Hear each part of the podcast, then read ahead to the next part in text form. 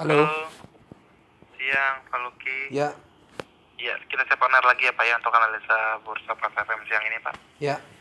Oke, hari ini penyiar kita dengan Mbak Anita ya Pak ya? Anita ya. Iya, siap. Kalau gitu saya sambung langsung ke studio Pak Luki ditunggu Pak. Ya. Sedangkan kurs mata uang lainnya dibanding rupiah adalah ringgit Malaysia 3.488.45, Baht Thailand 467.7, dolar Singapura 10.621.53. Harga emas per troy ounce 1.834.26 dolar Amerika. Indeks harga saham gabungan berada pada posisi 6.338.85 menguat 81.01. Nilai tukar satu Bitcoin sama dengan 511 juta 388 ribu rupiah, melemah 11.14 persen.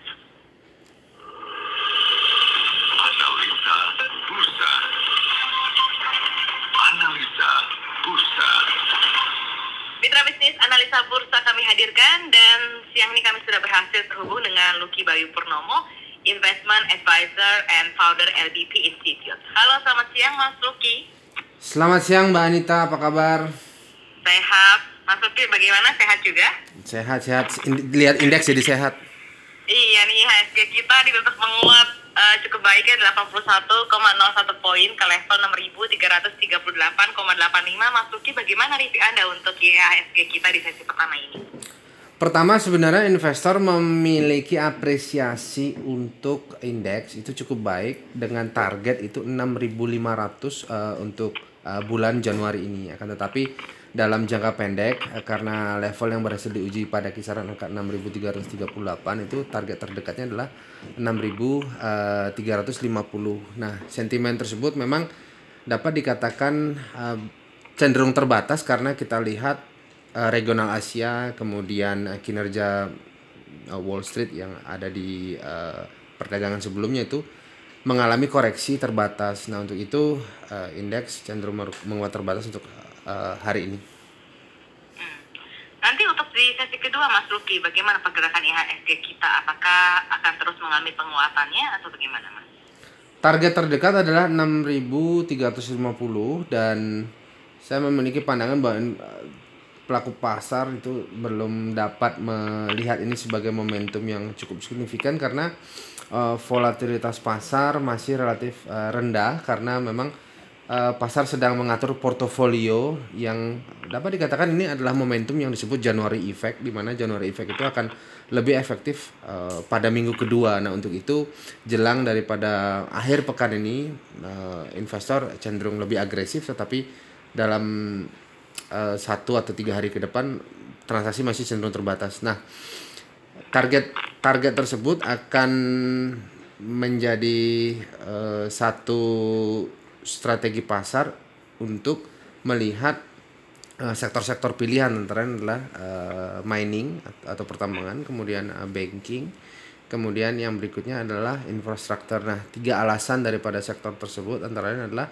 memang yang pertama em, infrastruktur menjadi dapat menjadi sektor pilihan untuk jangka panjang karena dalam masa eh, perolehan angka APBN tahun 2021 itu memang cita-cita infrastruktur yang sebelumnya sempat terkendala karena adanya pandemik itu dapat dikatakan eh, telah berada pada eh, era adaptasi baru artinya infrastruktur tetap menjadi perhatian pemerintah itu yang pertama. Kemudian yang kedua untuk eh, banking karena rupiah masih berada di angka 14.050 dan cenderung menguat dibandingkan dolar maka sektor perbankan saat ini dapat dikatakan menjadi sektor pilihan untuk jangka menengah.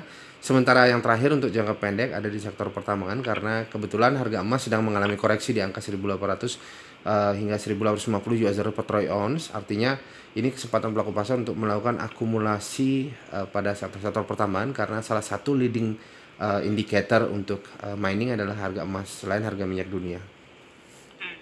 Mas Luki, kalau kita melihat eh, untuk sektor-sektor konsumer, pergerakannya seperti apa untuk hari ini, Mas Luki? Ah, seharusnya consumer good itu dapat dijadikan eh, pilihan transaksi tetapi harus dibatasi dengan kategori eh, kapitalisasi di mana kapitalisasi menengah itu menjadi pilihan. Nah, Mengapa tidak dianjurkan untuk kapitalisasi besar dan kecil? Kenapa justru memilih mid caps? Eh, karena memang eh, consumer good dalam eh, kondisi saat ini sebut saja PDB kita sedang mengalami eh, pelemahan. Walaupun Q3 berhasil ada- berada di angka 3,49% dari Q2 sebelumnya di angka 5,32%. Nah, tetapi apa pun itu eh, kita tetap da- berada dalam zona negatif. Nah sehingga PDB tersebut sebenarnya dapat mempengaruhi daya beli, konsumsi, nilai produksi, kemudian eh, eh, bagaimana pasar menyikapi eh, supply and demand. Nah, untuk itu consumer good saya kira eh, selective buy tetapi untuk eh, kategori mid cap. Hmm. Baik, terima kasih banyak Mas Luki untuk waktunya. Ya, terima Selamat kasih. aktivitas, sukses untuk Anda. Ya.